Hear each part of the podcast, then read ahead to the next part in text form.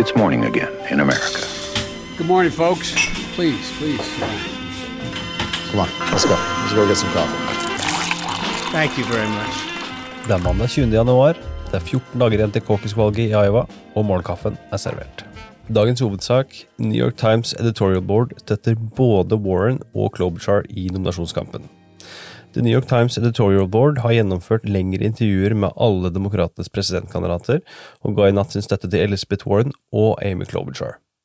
De 15 medlemmene klarte med andre ord ikke å bli enige, og til slutt så sto det mellom Warren, Klobuchar, Pete Buttigieg og Cory Booker, som altså kasta et håndkle før den forrige debatten.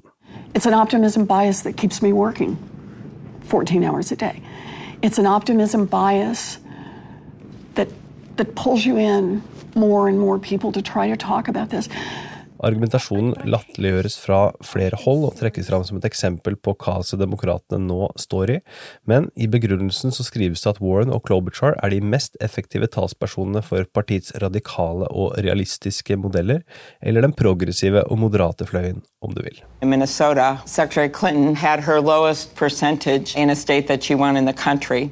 And then I went on, as I've done now three times, to win every rural congressional district, including the one bordering Iowa, and including Michelle Bachmann's district. New York Times editorial board har støttet demokrater helt siden John F. Kennedy i 1960, men i denne runden så spilte de med åpne kort hele veien, og publiserte intervjuene de gjennomførte med de ulike kandidatene. Dagens andre sak, Bernie Sanders plukker opp viktig kongressstøtte. I går kunngjorde representant Pramila Jayapal fra Washingtons 7. kongressdistrikt at hun støtter Bernie Sanders. When I was just 16 years old, I came to this country by myself. My parents made the ultimate sacrifice of placing an ocean between them and. Jayapal er en av lederne for den progressive grupperingen i Kongressen. Dette var en støtteerklæring som også Elizabeth Warren har vært på jakt etter. Og Det ses av mange som enda et tegn på at den aktivistiske venstresiden i Det demokratiske partiet nå samler seg rundt Sanders framfor Warren. I love being part of Iowa's part-time citizen legislature. Dagens tredje sak, også dette om støtteerklæringer.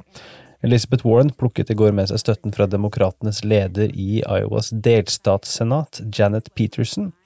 Peterson er en svært viktig figur i Iowa-politikken, og podkaster og tidligere rådgiver for Obama, Dan Pfeiffer, peker blant annet på at Peterson var helt sentral da Obama vant Iowa i 2008. Det var tre ulike støtteerklæringer, og dersom du ønsker å støtte oss i amerikanskpolitikk.no med noen få dollar i måneden, så kan du gjøre det på patreon.com ampol. Da kan du annet få tilgang til en egen lørdagsutgave av Morgenkaffen. Dagens utgave er servert av Sigrid Rege Gårdsvold og undertegnede Are Togflaten. Du abonnerer ved å gå til ampol.no kaffen.